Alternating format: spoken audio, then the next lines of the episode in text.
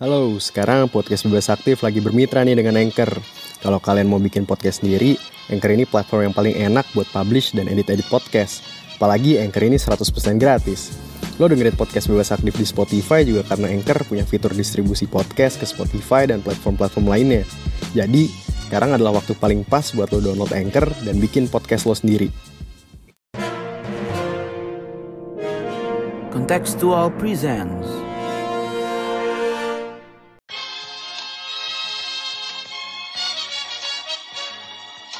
伟大、光荣、正确的中国共产党万岁！ Ladies and gentlemen, it was time to end a 20 year war.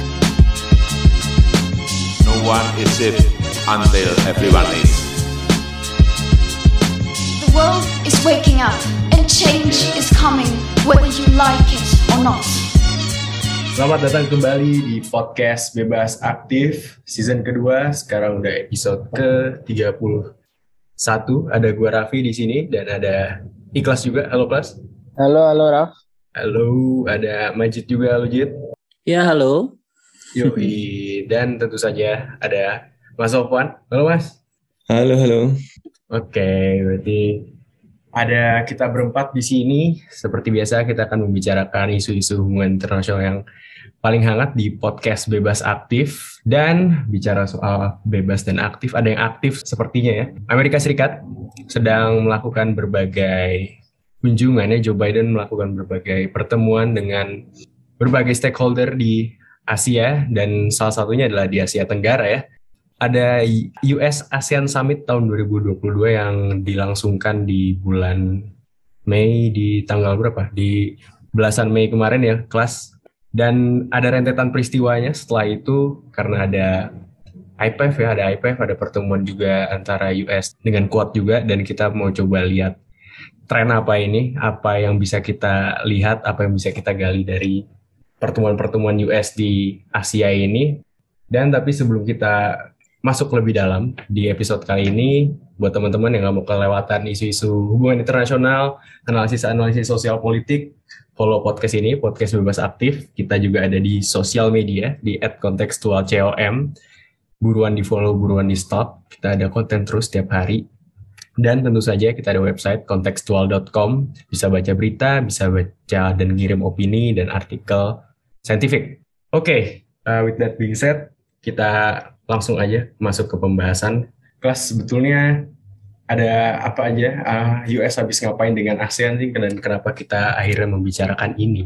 Oke, ya jadi uh, seperti yang disebutkan Presiden Joe Biden juga sebelumnya bahwa Amerika ya ingin Amerika lebih fokus perannya di Asia gitu kan meskipun di awal tahun ini uh, cukup occupied dengan invasi yang pecah di yeah. Eropa tapi Uh, belakangan ini di bulan Mei ini terutama ya lagi banyak gerak-geriknya ke Asia ini kan. Dan terutama bagaimana kemudian Amerika Serikat bisa uh, apa ya menjejakkan kakinya di Asia gitu terutama adalah uh, melewati ASEAN gitu bersama hmm. dengan ASEAN gak melewati ya. karena uh, di tanggal 12 sampai 13 kemarin diadakan uh, US ASEAN Summit itu ya salah satu peristiwa langka gitu kan dan pertama kali sebenarnya uh, 10 pemimpin ASEAN kecuali Myanmar ya uh, itu diundang ke White House dan ada foto bareng gitu kan banyak banget terkenal Jokowi hmm. sampai posting berkali-kali itu gua ngeliat tuh kayak banyak banget nih postingan US ASEAN Summit keluar-keluar segala macam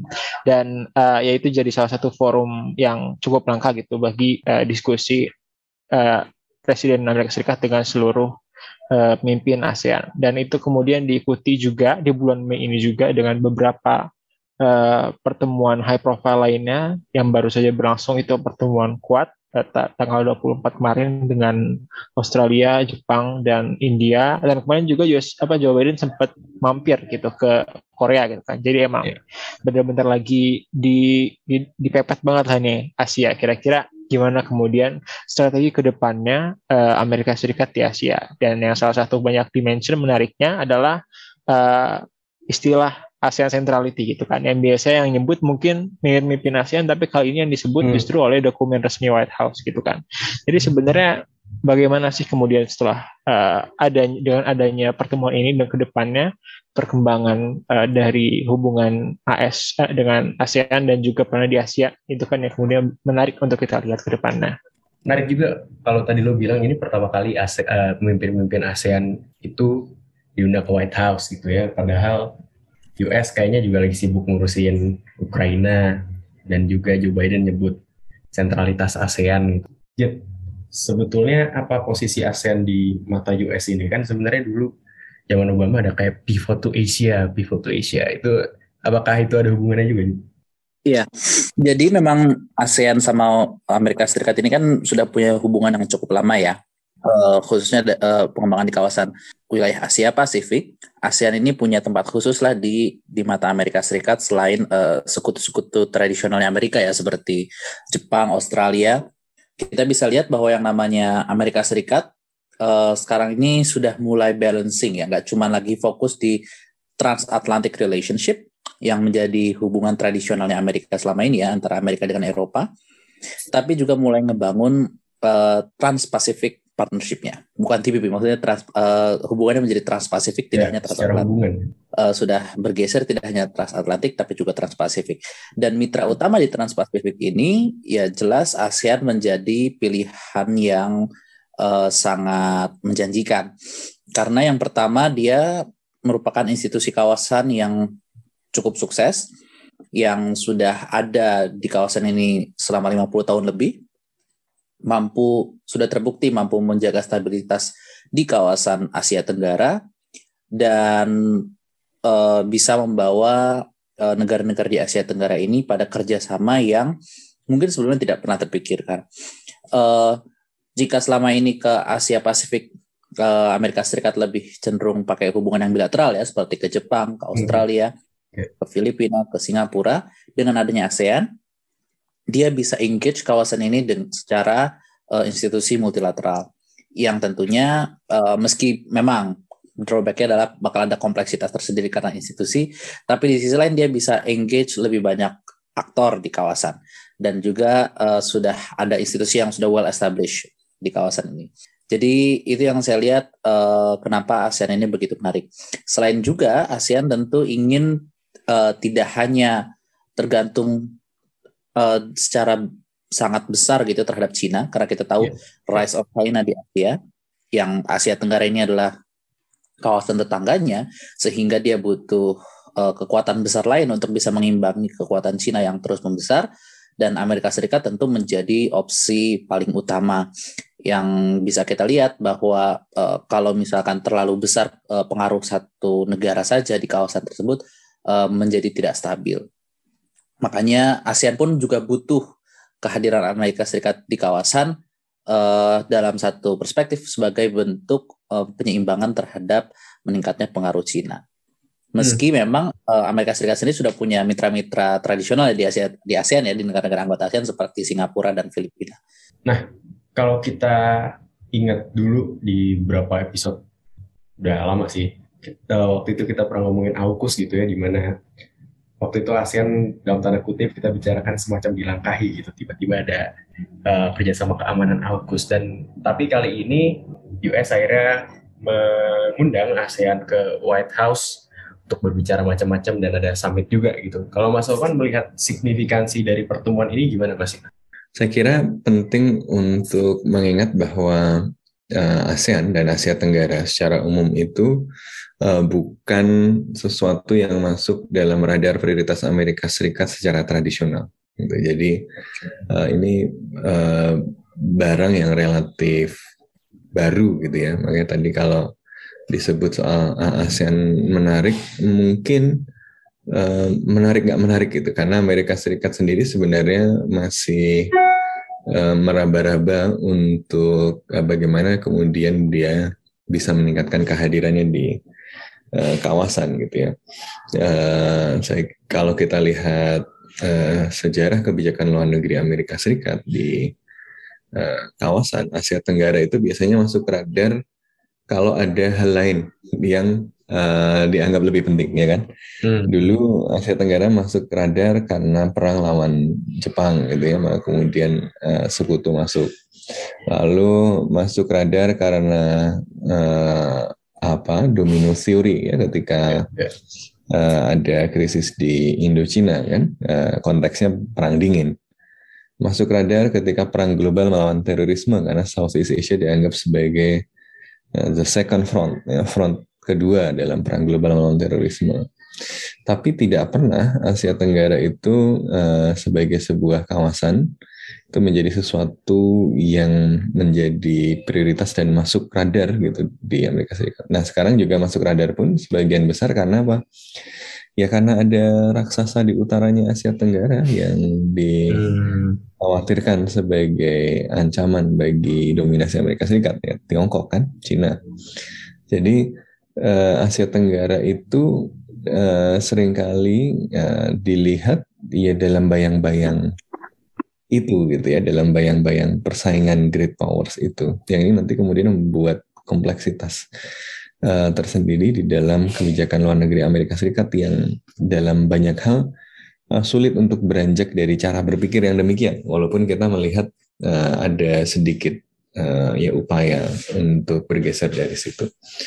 Nah, Amerika Serikat kemudian baru mulai menjadi apa uh, lebih fokus ke Asia, termasuk juga kemudian memberikan perhatian lebih kepada ASEAN dan Asia Tenggara. Uh, itu ya pada zaman Obama terutama ya si anak ya. menteng.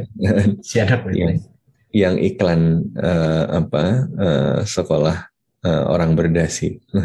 Itu SD saya by the way. Ya, gitu. KW SD saya itu. Ya. lanjut lanjut. Ya, jadi uh, ya karena mungkin modal sosialnya kuat juga di sini ada attachmentnya juga uh, sekaligus kemudian lingkungan strategisnya tinggi itu periodenya Obama itu ya high time-nya untuk pivot to Asia. Ya, jadi setelah lama disebut-sebut tentang perlunya Amerika Serikat pivot to Asia, karena selama ini tadi seperti disebut Majid, uh, fokusnya di transatlantik atau kemudian di Timur Tengah yang uh, di situ banyak kepentingan strategis, dia ingin keluar, ingin geser ke Asia, tapi belum bisa-bisa, ya karena uh, pivot itu kan bukan hal yang mudah kan kalau kita main bola atau main basket juga pivot kan kalau nggak hati-hati lutut sama tumitnya bisa cedera ya gitu. Nah uh, Obama memulai pivot to Asia salah satu uh, kemudian yang dijadikan sebagai motornya adalah TPP itu Trans-Pacific Partnership uh, dan berbagai kerjasama ekonomi gitu ya. Dan pada periode itu pokoknya engagement Amerika Serikat dengan ASEAN itu sedang meningkat ya. Obama sendiri berkunjung ada apa kuliah di UI ya nasi goreng. Nasi goreng. Terus ke Vietnam makan di warung yang merakyat gitu ya. Jadi uh, ada ada uh, upaya untuk membangun hubungan dengan ASEAN gitu. Nah cuma Eh, kemudian setelah itu mengalami penurunan tidak hanya karena Trump sebelum Trump juga uh, karena Amerika Serikat ini uh, ingin pivot tapi pivotnya ini agak lambat dan kesulitan gitu. Jadi ada ada mismatch ekspektasi antara ASEAN dengan Amerika Serikat juga gitu ya. Amerika Serikat datang mengharapkan sambutan yang antusias dan objektif yang mungkin lebih terukur dan dan mungkin Asia Tenggara yang kelihatan lebih kooperatif dalam misalnya uh, kemudian bisa membendung Tiongkok gitu tapi hmm. meskipun dia Amerika Serikat tidak meminta langsung demikian tapi Uh, misalnya kemudian ketika ASEAN terlihat tidak solid, ketika kemudian ASEAN tahun 2012 itu kan di Kamboja gagal um, menyepakati joint communique gara-gara soal Laut Cina Selatan gitu kan, lalu Cina semakin aktif melakukan militarisasi di Laut Cina Selatan sementara ASEAN nggak bisa ngapa-ngapain gitu.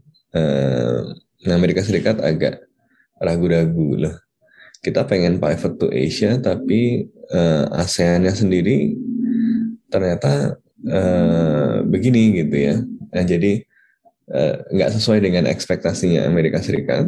Uh, uh, tapi pada saat yang bersamaan ekspektasinya itu juga mungkin didorong oleh ketidakpahaman terhadap ASEAN dan Asia Tenggara gitu ya. Hmm. Karena Amerika Serikat itu mungkin biasa interaksinya sama NATO yang suaranya sama semua gitu. Eh, ya dibayangkan kayak gitu juga. Lalu biasa sama EU yang kalau ada kesepakatan ini ya ya sudah ini gitu kan. Beda sama ASEAN yang modelnya eh, relatif lebih fleksibel gitu ya. ASEAN Way eh, proses itu penting jadi nggak tergesa-gesa bikin outcome atau eh, output yang terlalu terukur tapi ya presence itu kemudian eh, menghadirkan sense of trust yang penting gitu yang yang lebih banyak intangible-nya gitu tapi nggak bisa dituntut misalnya harus ngasih ini harus ngasih itu harus bikin ini bikin itu karena perbedaan sistem politik dan eh, ya berbagai kepentingan dari negara-negara di Asia Tenggara gitu kan. Itu sangat beragam gitu. Jadi kompleksitas ASEAN yang mungkin baru buat Amerika Serikat eh, ditambah dengan apa ya keinginan untuk mendapatkan hasil yang konkret dengan segera ini membuat Amerika Serikat eh, terlihat agak kecewa gitu dengan hasil dari upayanya PDKT di tahun-tahun itu gitu ya lah ini kok malah ASEAN nggak bisa bikin joint communique, kok malah Cina sangat aktif membangun militarisasi di Laut Cina Selatan ASEAN nggak bisa ngapa-ngapain gitu. Wah kita nggak bisa ngandelin ASEAN nih. Gitu. Ditambah lagi dengan nah, pivotnya kemudian terdistract oleh ya eh, lumpur hidup di Timur Tengah kan, di, dan di wilayah-wilayah lain yang Amerika Serikat pengen keluar tapi nggak bisa-bisa. Jadi dia pengen pivot tapi kakinya itu nyemplung di Afghanistan, nyemplung di Irak. Hmm. Eh, yang mau keluar dari situ tuh susahnya minta ampun dan perhatian domestik publik kan lebih besar gitu kan mereka kan ada konstituen domestiknya juga di Amerika gitu ya nggak bisa tiba-tiba pindah gitu karena uh, ada konsekuensi budget citra domestik dan seterusnya kan nah jadi pivotnya ini nggak lancar anggarannya nggak cair-cair nggak sebesar yang ketika datang janjinya uh, gede gitu ya tapi nggak nggak konkret-konkret Uh, karena proses politik domestik yang lambat, sementara ekspektasinya ke ASEAN tetap tinggi dan mungkin tidak didasarkan pada pemahaman terhadap kompleksitas ASEAN. Di sisi lain, ASEAN juga kemudian tadi uh, belum bisa mendefinisikan kepentingannya sama Amerika apa sih gitu ya.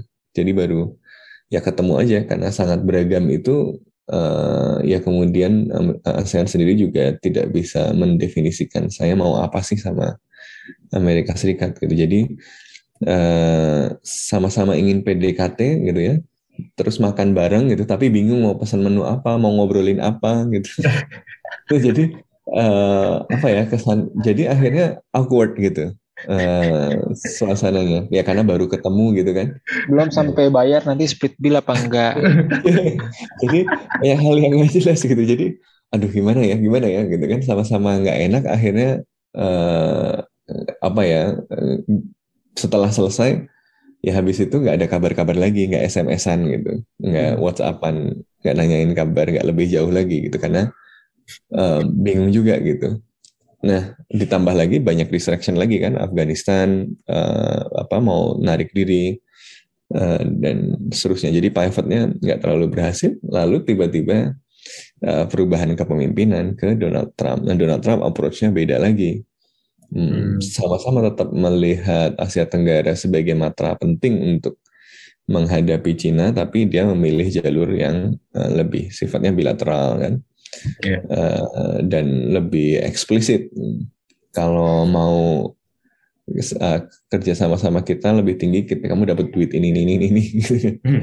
Tapi tuh lihat Cina memperlakukan Uighur kayak gitu tuh, masa kamu nggak teriak gitu. Jadi kelihatan apa dan Asia Tenggara itu kan nggak bisa digituin ya gitu banyak negara. Uh, uh, kalau eksplisit itu malah uh, kurang kurang menimbulkan ketidaknyamanan gitu kayak iya. eh kamu temenan sama aku dong tapi jangan temenan sama dia itu kan. Kita agak-agak kurang nyaman gitu. Gue traktir deh tapi jangan main sama dia ya itu kan malah ya gue mau sih ditraktir. Gue nggak gue lapar juga gitu tapi masa nggak boleh ke sana gitu. Nah itu kan nggak enak gitu ya. Jadi eh, kemudian ya agak kontraproduktif gitu pada periode Trump. Walaupun ada juga yang positif ya kayak Vietnam itu di awal-awal lebih suka Trump daripada Obama karena lebih keras sama Cina kan. Hmm, iya. Nah, jadi ada beda-beda juga di tiap negara. Tapi di akhir-akhir eh, karena Trump apa bikin banyak kebijakan perdagangan, yaitu ada dispute sama Vietnam juga, jadi nggak populer juga di Vietnam di akhir-akhir. Jadi eh, kalau dari segi apa ya eh, popularitas ya, Obama dan Trump, Obama mungkin lebih populer di beberapa negara, tapi nggak populer di kayak Vietnam gitu ya. Sebaliknya Trump uh, awal-awal tuh populer di Vietnam tapi nggak populer di yang lain-lain ya. Tapi kalau Biden ini kayaknya relatif relatif so-so banget nggak se apa ya nggak nggak diterima seantusias Obama di beberapa tempat kayak Indonesia Hmm. tapi juga nggak terlalu dibenci gitu ya seperti juga uh, Trump yang sangat yang yang yang uh, apa persepsinya bisa macam-macam tadi itu. Nah, Biden relatif oke lah gitu Uh, pandangannya standar gitu nggak nggak terlalu menonjol kan. Uh, nah tapi yang menarik adalah uh, Biden ini kan banyak orangnya orang-orangnya Obama juga yang dulu mendorong pivot to Asia jadi uh, koordinator untuk Indo-Pasifik itu Kurt Campbell Kurt Campbell ini ya kira-kira otaknya uh, salah satu otaknya Obama pas pivot to Asia nah cuma sekarang mereka sudah lebih paham gitu. Hmm. karena sudah pengalaman oh dulu pengalaman PDKT pertama tuh gagal karena gini gini gini gini gitu ya. Jadi mereka eh, ya pengen eh, bikin strategi yang mungkin sedikit ber- eh, berbeda gitu ya. Ya salah satunya misalnya ya mereka nggak nggak naruh kuenya di ASEAN semua. Nah kayaknya kemudian mereka membangun alternatif kan. Oke lah uh, sentralitas ASEAN penting setidaknya untuk disebut sebagai formalitas gitu. Jadi kalau kita lihat Indo-Pacific Strategy yang dikeluarkan uh, Biden bulan Februari kemarin, kan dia menyebutkan uh, sentralitas ASEAN. Tapi sentralitas ASEAN itu disebut bareng dengan pentingnya kuat. Hmm. Oke. Jadi itu kan buat orang ASEAN agak uh, or, sebagian orang di Asia Tenggara agak membingungkan loh ku- kuat atau ASEAN nih gitu ya mekanisme. Karena kemudian ya tadi as- sentralitas ASEAN penting eh, setidaknya untuk secara formal disebut gitu. Tetapi eh, pada saat yang bersamaan Amerika Serikat juga melihat ASEAN ini nggak bisa deliver untuk kepentingan langsungnya gitu, terutama di aspek-aspek strategis ya, membendung Cina secara langsung sangat sangat tidak mungkin melalui ASEAN kan gitu karena keberagaman negara di ASEAN itu. Jadi dia butuh instrumen lain. Tapi kalau untuk instrumen-instrumen yang mungkin lebih tidak kontroversial kayak kerjasama ekonomi atau sosial budaya, eh, oh, kayaknya uh, uh, mereka akan uh, apa Amerika Serikat prefer ke ASEAN. Tapi kalau apa kemudian mengcounter Cina dengan misalnya eh, dengan agak keras gitu ya. Nah dia kemudian pakai mekanisme lain. Tapi mekanisme lainnya ini juga kadang-kadang masih bingung juga kayak apa kan. Kemarin tiba-tiba pengumuman AUKUS, tapi ternyata respon dari sekutu-sekutunya nggak semuanya positif. gitu kan. Korea sudah minta lama akses ke teknologi nuklir eh, submarine nggak dikasih tiba-tiba ada pengumuman nggak ada apa-apa kita nggak ditawarin tiba-tiba ada AUKUS ya Hmm. kenapa nih gitu kan Eh, Jepang juga loh ini ngapain tiba-tiba ini Eh, kok eh, jadi eh, memunculkan kebingungan nah akhirnya kemudian eh, apa ya harus dikelola bahwa AUKUS ini nggak begini dan nggak begitu. Nah tapi seka- eh, yang sekarang kemudian muncul di Indo-Pacific Strategy malah eh, kayaknya fokusnya di kuatnya. Jadi kayaknya ada kompartementalisasi nih gitu ya di aspek-aspek yang uh, ekonomi dan sosial budaya. Amerika Serikat coba pakai apa ya sebisa mungkin kemudian menggunakan uh, platform dan framework ASEAN walaupun nggak semuanya lewat ASEAN karena mungkin dia juga nggak uh, masih bingung juga uh, apa mengintegrasikannya dengan program ASEAN seperti apa gitu ya Hmm. lalu yang eh, tapi kalau untuk yang strategik eh, dia ambil jalan sendiri gitu kan pakai kuat. Jadi jadi di, dibagi-bagi gitu. Hmm. Nah, jadi sentralitas ASEAN-nya dimaknai secara terbatas, tapi kemudian ya secara simbolik disebut. Nah, tapi memang ya ASEAN kan sangat memperhatikan simbol ya. Jadi eh, yang menurut saya sih eh, US ASEAN Summit kemarin itu secara simbolik cukup penting dan ya relatif eh, berhasil gitu ya. Setelah sekian lama mau dibuat nggak jadi-jadi gitu. Jadi Biden ini em, apa? Ini jadwal US ASEAN Summit ini mundur dan mundurnya sesimpel karena penjadwalan gitu. Hmm. Nah ini kan buat negara-negara ASEAN agak frustrating. Ini jangan-jangan kita nggak dianggap prioritas nih karena ditunda-tunda gitu kan. Cuma karena teknis dan eh, maksudnya tadinya ditetapkan jadwalnya tapi secara sepihak kan kan ASEAN nggak bisa nggak bisa digituin gitu ya. Iya, iya. Ya kita tahu lu lebih kaya kayak kita temenan sama orang kaya gitu. Terus dia nentuin tanggal kita harus ngikut karena jadwal gue padat ya emang kita emang lebih miskin sih tapi masa iya lu yang nentuin semuanya gitu kan Mhm. kan nggak nggak nyaman gitu ya nah, nah itu yang kemudian bikin eh, agak tertunda tapi akhirnya terlaksana dan terlaksananya menurut saya cukup lancar ya dan karena pertama kali dalam 40 tahun ini eh, kemudian ada meeting deng- dengan pimpinan eh, ASEAN eh, di White House ya Iya. Eh, di Gedung Putih. Jadi agak eh, apa ya ya agak agak effort lah agak ada usaha untuk menunjukkan Amerika serius loh gitu. Jadi saya kira Kemarin ikut ikut mampir mas. Dekat-dekat situ apa? Enggak? ya sayangnya nggak dibuka ya Eh, Oh. tapi saya kebetulan memang ada di sekitar situ dan mencoba mengulik-ulik dari orang-orang yang ikut tapi ya anyway menurut saya evaluasinya secara umum adalah secara simbolik eh, it's a good messaging eh, setidaknya ya bahwa Amerika Serikat serius untuk uh, saya ingin memperbaiki hubungan loh dengan Asia Tenggara gitu. Jadi kira-kira uh, kegagalan kencan pertama yang awkward kemarin kemudian uh, ngundang lagi kan, kemudian diundang ke tempat yang agak mewah gitu kan. Iya, iya, iya. Dan lebih uh, clear gitu ya untuk menunjukkan keseriusan gitu. Hmm. Uh, jadi dari segi simbolik eh, menurut saya ada eh, ya derajat minimal kesuksesannya adalah gitu pesannya boleh sampai lah.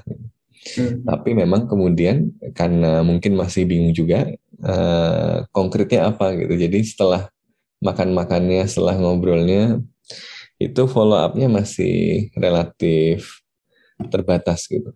Kerjasamanya, arah kerjasamanya masih masih belum terlalu jelas karena apa bantuannya juga relatif eh, sedikit gitu ya. Eh, jadi cuma diumumkan cuma 150 eh, US dollars kan eh, inisiatif 150 juta US dollars.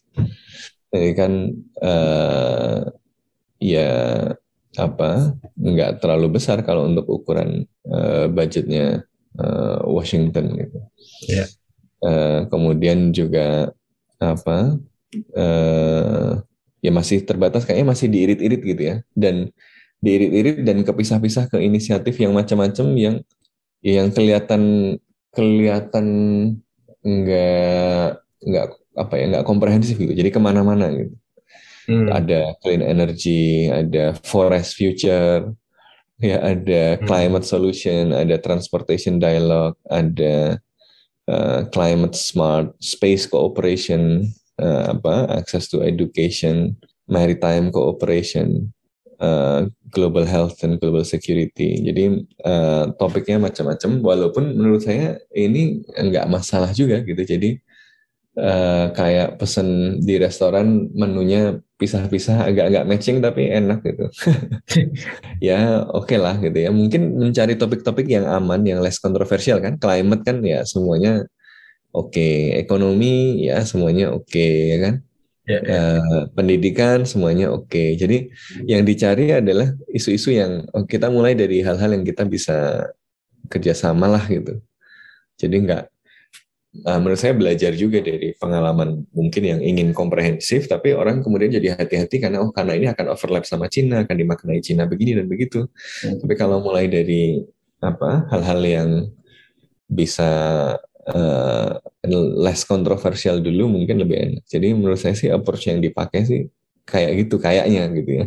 Mm-hmm. Kayaknya ya belum belum wawancara sama panitianya tapi dugaan dugaan uh, saya sih begitu ya kita mulai dari jadi dimulainya dari yang ya relatif uh, pokoknya bisa jadi konkret dulu deh gitu. uh, yang agak menarik memang ini ya yang di maritime cooperation uh, ya US Coast Guard. Ini mungkin yang agak akan nyambung sama Laut Cina Selatan ya.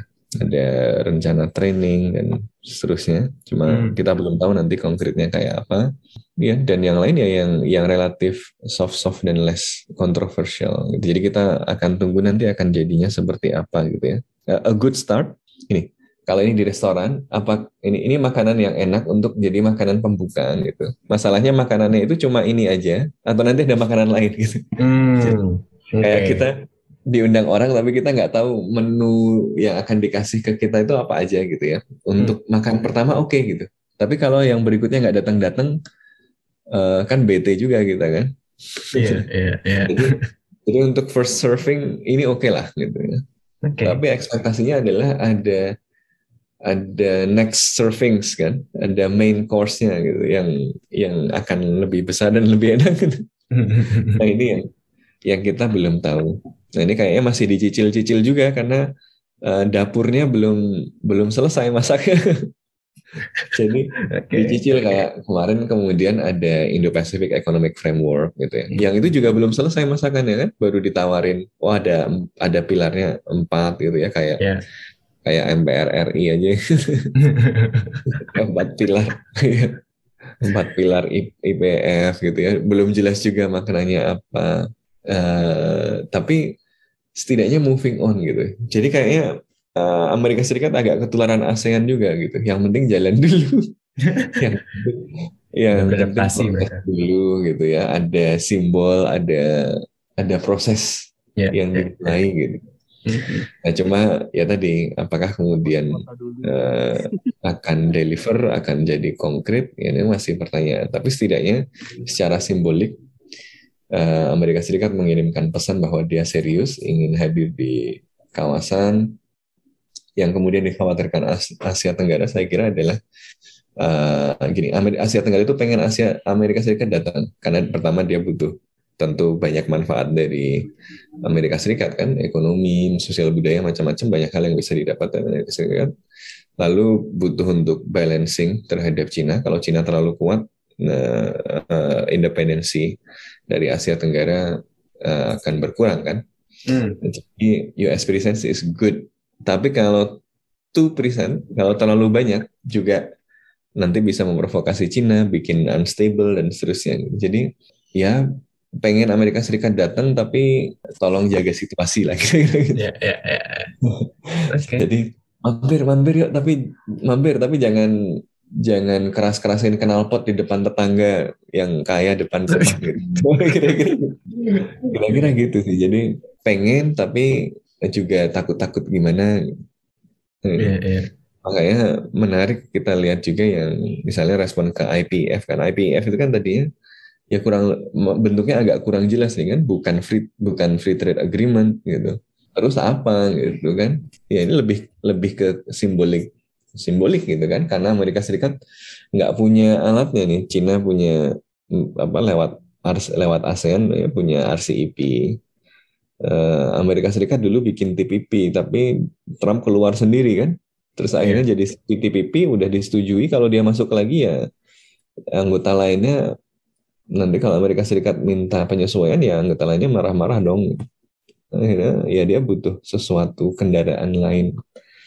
Nah kendaraan lainnya inilah yang kemudian dibuat IPF nah tapi masih banyak yang belum clear juga gitu. lalu kaitannya sama mekanisme ASEAN bagaimana? Nah ini yang perlu masih kita pantau. Tapi ya tadi intinya uh, ini mengirimkan pesan bahwa Amerika Serikat serius uh, pivot to Asia serius ingin uh, engage dengan ASEAN uh, walaupun ya, kayaknya lebih realistis ya, dia tidak mengharapkan uh, ASEAN misalnya bisa menjalankan atau bisa mengikuti agenda Amerika Serikat jadi Amerika Serikat juga pakai platform lain seperti Quad hmm. ya tapi uh, selagi bisa lewat ASEAN di sosial dan budaya dan ekonomi uh, dia akan lewat ASEAN. Jadi dia memaknai sentralitas ASEAN secara lebih terbatas, tapi secara formal ya sebagai fatsun politik ya dia dia menghormati sentralitas ASEAN. Nah ini tergantung ASEAN ya, bagaimana ASEAN sendiri mendefinisikan ASEAN centrality dan apakah dia melihat pendekatan Amerika Serikat yang demikian itu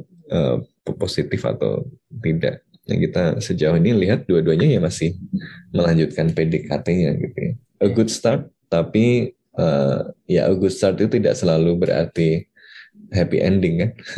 yeah, yeah, yeah. A good start, tapi ya let's wait perkembangan selanjutnya seperti apa. Mm -hmm. Ini ini ini seru sih, masih dalam analogi uh, kencan di restorannya Mas Sofwan gitu ya. Saya nggak tahu Mas Sofwan lagi suka makan di restoran apa gimana. Cuman masih dalam analogi analogi itu kelas. Uh, nanti kita akan bicara soal IPF. Tapi gue penasaran sama pendapat lu soal kencan-kencan ASEAN dan US ini. Menurut lu apakah ini ujungnya bakal ya kalau kencan-kencan ujungnya pacaran misalkan. Menurut lu gimana ke depannya? Sebelum kita geser ke IPF. Oke, kalau dari awalnya kencan-kencan banget sih mungkin kalau masih di analogi yang tadi ya, kalau yeah. pacaran kita ibaratkan suatu uh, ya apa namanya perjanjian keamanan gitu atau yang lainnya kayaknya sih nggak unlikely gitu. Ke depannya ya mungkin HTS atau yang lain gue juga tidak tahu gitu ya. Tapi apa namanya ya tadi sama kayak Mas Sobat sebenarnya perkembangan awal ini uh, cukup bagus lah gitu loh kalau menurut gue sebagai awalan dan sangat simbolik dari yang tadi dibilang ASEAN sebagai simbol simbolik gitu kan. Hmm. nah ditunjukin yang baik-baiknya dulu ntar kalau mau apa-apa belakangan gitu kan. Dan apa namanya uh, emang kayaknya berhubungan dengan IMF juga gitu. Uh, Amerika Serikat ya banyak ngebangun ngebangun hubungan ngebangun relasi kalau gue bahasnya mungkin modalitas gitu ya dengan orang-orang dengan pemimpin di Asia Tenggara dan di Asia lagi lebih secara luasnya itu kan adalah suatu hal yang penting gitu. Jadi kayak udah ada titik startnya, terus kalau misalnya ada apa-apa lebih enak gitu kan. Jadi misalnya lo nggak ada pas emang ada butuhnya baru lo disamperin gitu kan. Nggak kayak gitu cara mainnya. Jadi kayak uh, dalam kondisi awal kita udah bangun dan nanti misalnya kalau ada omongan-omongan lebih lanjut bisa lebih enak sih gitu. Menurut gue pada dasar kayak gitu. Halo, sekarang podcast Bebas Aktif lagi bermitra nih dengan Anchor. Kalau kalian mau bikin podcast sendiri, Anchor ini platform yang paling enak buat publish dan edit-edit podcast. Apalagi Anchor ini 100% gratis.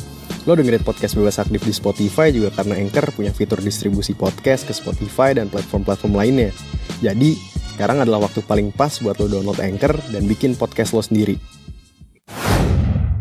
Nah, ini kan juga salah satu apa ya rangkaian safari gitu ya, safarinya Amerika, safarinya Joe Biden dalam ngerangkul teman-teman di Asia Pasifik, di Indo Pasifik ini. Kalau perihal IPEF kelas, what do you think about it? Itu kan sebuah apa ya US-led framework gitu ya, dan pesertanya juga termasuk peserta kuat, termasuk beberapa negara, banyak negara ASEAN, termasuk New Zealand, termasuk Korea Selatan gitu.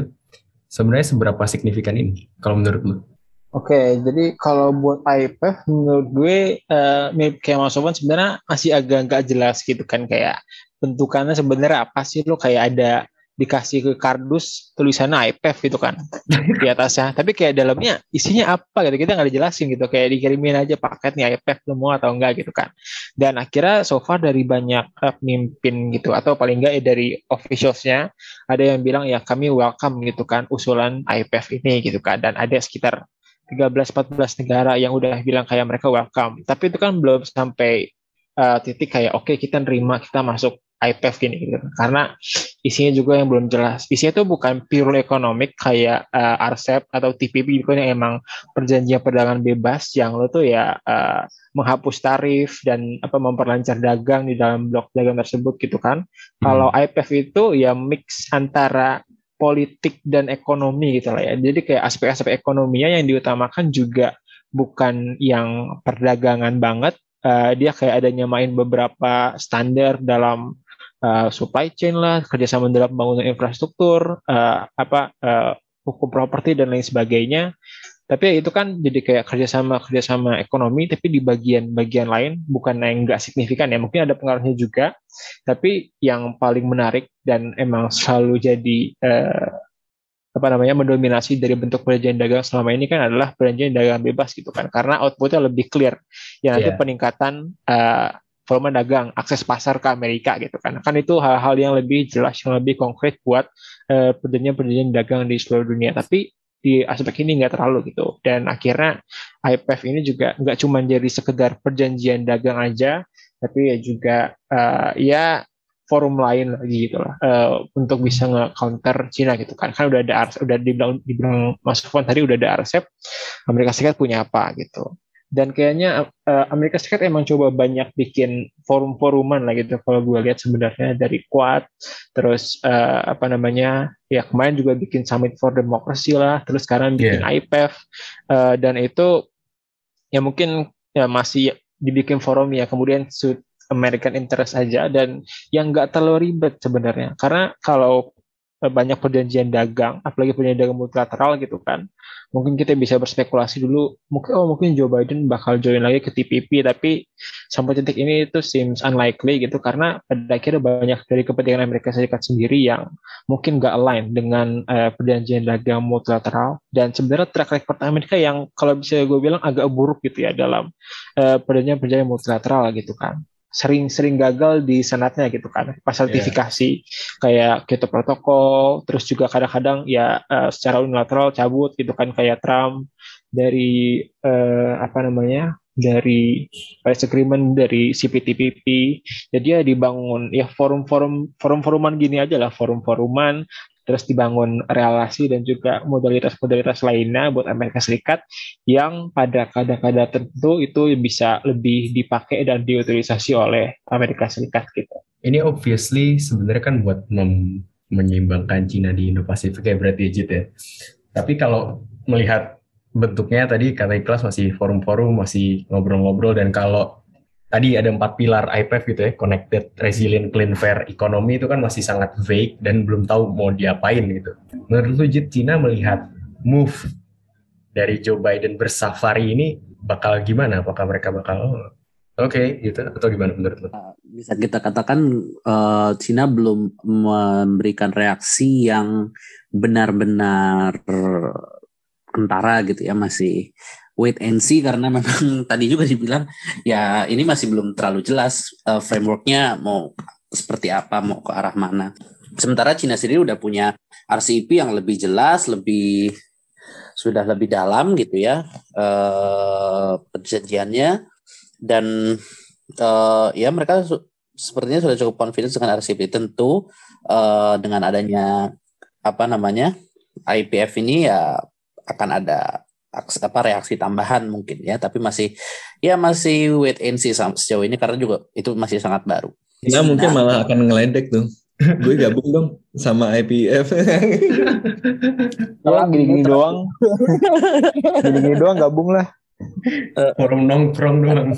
Ya, jadi uh, Cina sendiri kan kemarin ini sudah sempat apa namanya agak ada keteda, ada ketegangan baru dengan Amerika Serikat per, uh, dalam masalah Taiwan ya. Ya. Yeah. Joe Biden bilang kalau misalkan Taiwan di, diapa-apain sama Cina kita akan bantu secara total gitu kan.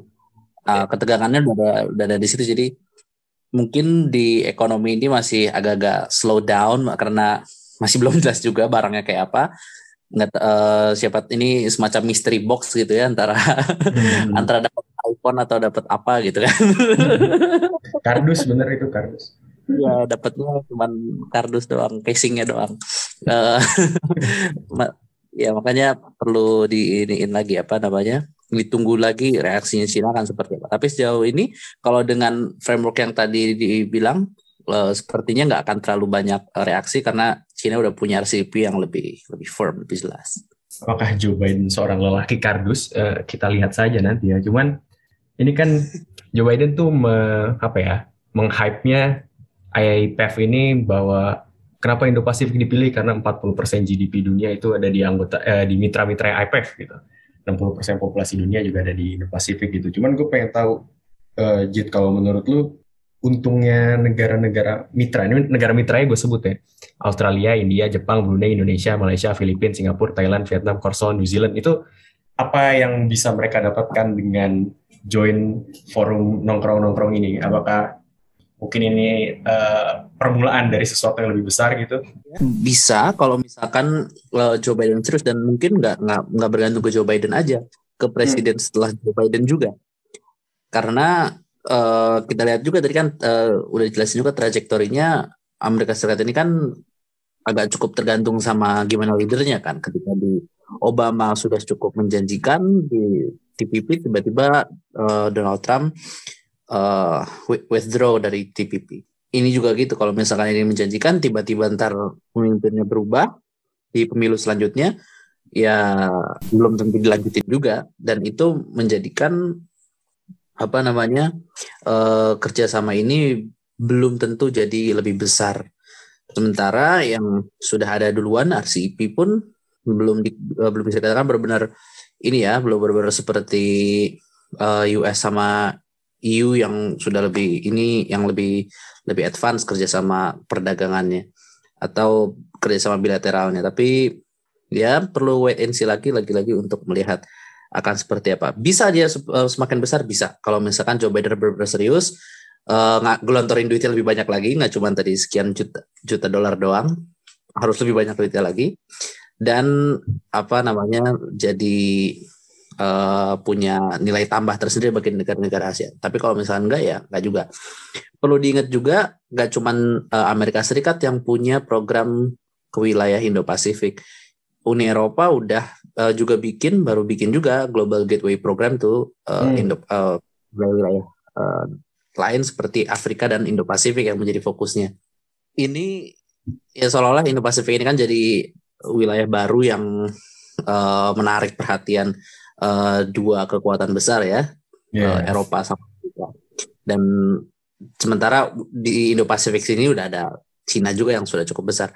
Ini akan sangat menarik gimana nanti uh, di antara tiga kekuatan besar ini bakal uh, apakah mereka akan kolaborasi atau mereka akan saling apa saling ngeluarin duit gitu ya. Gimana sih caranya buat menarik uh, sebanyak-banyaknya orang, sebanyak-banyaknya anggota di dari kawasan ASEAN untuk gabung ke framework yang mereka bikin mereka akan gelontorin uh, lebih banyak uang, lebih banyak uh, keuntungan yang dijanjikan gitu ya, janji keuntungan yang bisa didapat, ya itu akan sangat menarik. Tapi sampai dalam waktu dekat mungkin belum belum terlalu banyak perubahan. Masih RCEP yang paling jelas lah di antara yang uh, Global Gateway Program Uni Eropa maupun uh, IPF-nya uh, Amerika. Hmm, oke, oke, oke. Kalau menurut Mas Sofa gimana? Apakah bakal ada dinamika yang berubah gitu dari pertarungan great powers di Indo-Pasifik ini? Ataukah ada ada sesuatu yang bakal tip the balance gitu? Ya, saya kira situasinya masih relatif sama ya, tapi uh, yang jelas ketegangan meningkat. Jadi kalau strukturnya kan distribusi kekuatan internasional ya ya sama, rising power China, kemudian uh, Amerika Serikat sebagai kekuatan status quo yang khawatir pada yeah. uh, kekuatan revisionis ini itu kan is going to be there gitu. Tetapi ada banyak hal yang kemudian mengakselerasi itu atau kemudian membentuk uh, bentuk spesifik dari persaingannya gitu ya.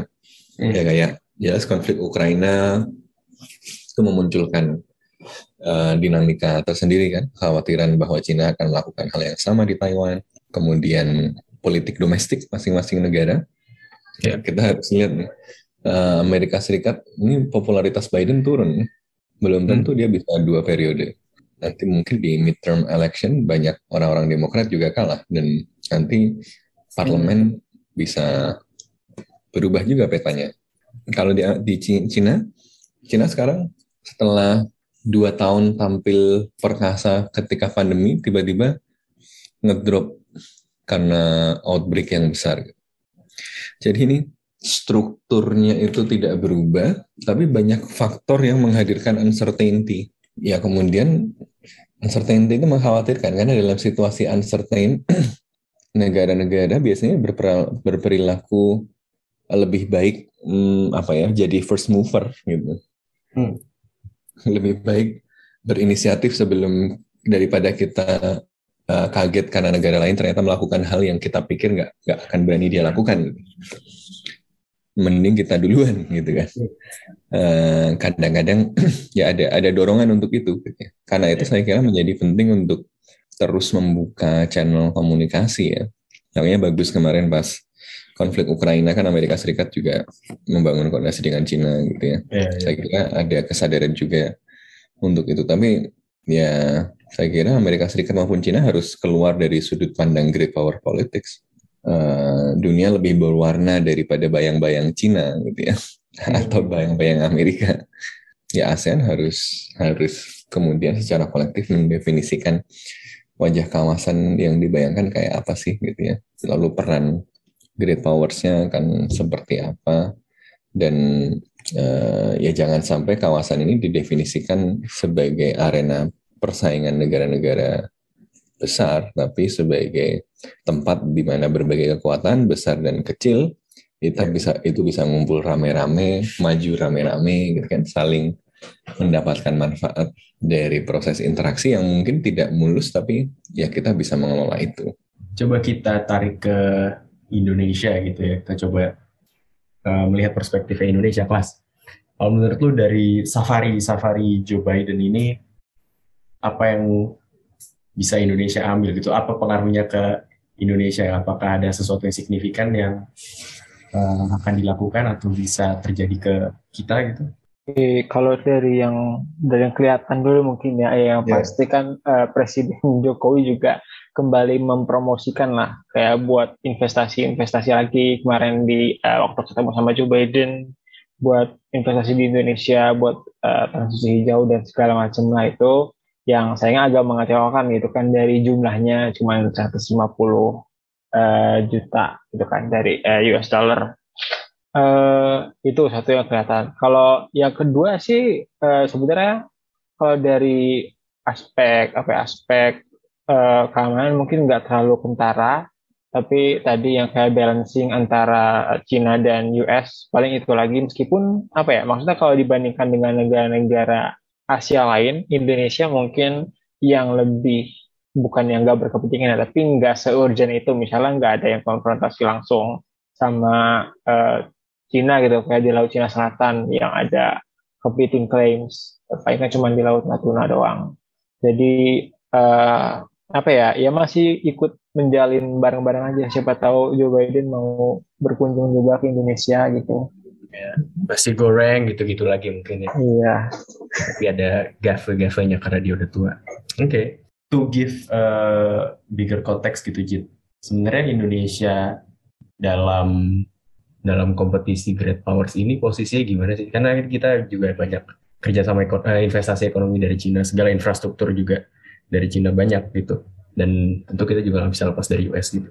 Iya, jadi eh sebenarnya cukup menarik ya kalau kita lihat kan eh, foreign policy-nya Presiden eh, Jokowi yang sekarang itu kan nggak terlalu ditaruh di depan gitu ya. Beda sama kayak waktu SBY yang wah ke mana-mana pidato di Ya. sidang umum PBB pun berkali-kali gitu kan. KI banget tuh SBY. Ya gitu kan, Lo pidato di sidang umum PBB berkali-kali itu jar- belum pernah ada presiden Indonesia yang ke sana berkali-kali, baru SBY gitu kan. Terus habis itu bikin Bali Demokrasi Forum, Iya. terus ke mana-mana. eh, kan mau jadi sekjen PBB ya iya tuh harusnya didukung itu Aduh. Eh, kalau yang Presiden Jokowi itu kan lebih inward looking. Tapi ya meski tapi ya sekarang ini karena kondisi geopolitik dunia yang ya mau nggak mau kita harus ikutan ya akhirnya ikutan juga kan. Seperti di presidensi G20 gitu kan. Eh, terus juga di isu ini yang sekarang eh, dengan adanya eh, shifting eh, konsentrasi geopolitik dunia tidak lagi di Timur Tengah, tidak lagi hanya di eh, Atlantik tapi juga ke Indo-Pasifik ya mau nggak mau kita harus eh, apa namanya mengeluarkan lebih banyak effort gitu ya. Eh, ini menarik kalau kita lihat eh, dari aktivitasnya kita di di kawasan ASEAN ya. Di kawasan ASEAN kan Indonesia memang dari dulu tradisionalnya oke ASEAN ini ring satunya kita lah gitu ya. Iya. Eh, sementara eh, untuk keluar dari ASEAN itu biasanya pakai framework ASEAN, ASEAN plus 3, ASEAN apa eh, ya pokoknya biasa pakai framework ASEAN ya seperti ASEAN plus 3 dan plus plus yang lain itu. Nah, dengan adanya kontestasi great powers antara Cina sama Amerika kan Cina pakai RCP, oke kita pakai ASEAN gitu kan ya. Nah dengan adanya Amerika mau masuk pun ya mungkin kita juga akan tetap pakai ASEAN. Eh, gimana caranya biar nggak harus eh, kita sendirian yang maju, tapi kita bareng-bareng sama tetangga gitu ya. Jadi kalau dia papain kita bisa ngelawannya bareng-bareng juga gitu. Oke, mungkin terakhir ya sekaligus menutup mungkin dari safari-safari Joe Biden dengan dengan berbagai move-nya Amerika Serikat di Asia Pasifik ini di Indo-Pasifik ini menurut lu Indonesia seharusnya bertindak seperti apa dan harusnya bisa dapat apa? Oke, jadi eh, Indonesia eh, bertindak seperti apa? Menurut gue sama seperti Amerika Serikat ya. Amerika Serikat kan membangun hubungan dengan Indonesia itu yang membangun modalitasnya gitu loh. Kalau bahasa gue kan membangun modal sosialnya gitu. Nah, Oke. kalau Indo- Indonesia juga harus menyambut gitu kan ke Amerika Serikat dan kalau bisa jangan cuma jadi pihak yang pasif gitu loh. Kayak oke nerima kalau Amerika Serikat ngundang terus eh, ngapain kalau Amerika Serikat minta gitu kan. Tapi juga jadi mitra yang secara aktif gitu ke Amerika Serikat kira-kira ya hubungan secara hubungan apa eh, yang secara konstruktif bisa menguntungkan kedua belah pihak gitu kan. Jadi eh, Indonesia nggak cuma at the receiving end gitu dari hubungan ini. Itu satu Terus ya yang kedua juga mesti di- digunakan lah secara instrumental, terutama dalam hubungannya dengan eh, balancing Cina di kawasan gitu kan. Karena meskipun eh, secara keamanan mungkin nggak ada nggak ada eh, persilangan langsung dengan Cina, tapi ya apa namanya eh, the general sense yang ada itu adalah ya kan Cina semakin grow stronger dan semakin asertif gitu. Hmm. Atau bahkan di- dilihat sama eh, dengan terjadinya perang Rusia Ukraina dilihat kayak oke yang bisa yang bisa menjalankan dunia rule the world itu kan adalah negara-negara uh, great powers gitu kan kayak Rusia, uh, Cina dan Amerika Serikat. Jadi ya better kemudian untuk gimana baik lagi ke dulu gimana kemudian bisa membalance ketika ada salah satu yang terlalu uh, dominan gitu kan. Apalagi ASEAN kurang bisa uh, berperilaku sebagai suatu blok yang koheren, ya maka harusnya kita juga bisa uh, menggunakan gitu lah tanda kutip Amerika Serikat untuk kemudian uh, hadir juga di Indo-Pasifik gitu. Oke, siap. Oke, sekian eh, episode ke-31 dari podcast Bebas Aktif. Kita lihat terus ya kita pantau terus move-move dari Presiden Joe Biden of the United States apa yang bakal dia lakukan ke depannya di mengapproach kawasan yang sangat strategis ini Indo-Pasifik ke depannya. Gue Raffi, ada Majid, ada Ikhlas, ada Mas Sofwan juga cabut dulu. Kita ketemu lagi di podcast Bebas Aktif episode selanjutnya.